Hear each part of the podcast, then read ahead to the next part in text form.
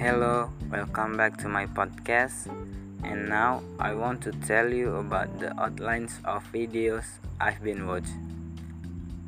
On the first videos, tell me about learning how to learn with Barbara Oakley. Barbara Oakley is a professor of engineering at Oakland University in Rochester, Michigan. Her research focuses on the complex relationship between neuroscience and social behavior and has been described as revolutionary by the Wall Street Journal. On the second videos, tell me about speed learning or learn in half the time with Jim Kwik. In these videos, Jim Kwik teaches me how to tap into your speed learning superpowers so that I can learn anything in half the time.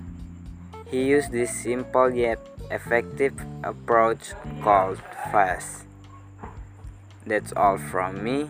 Thank you and see you on the next podcast.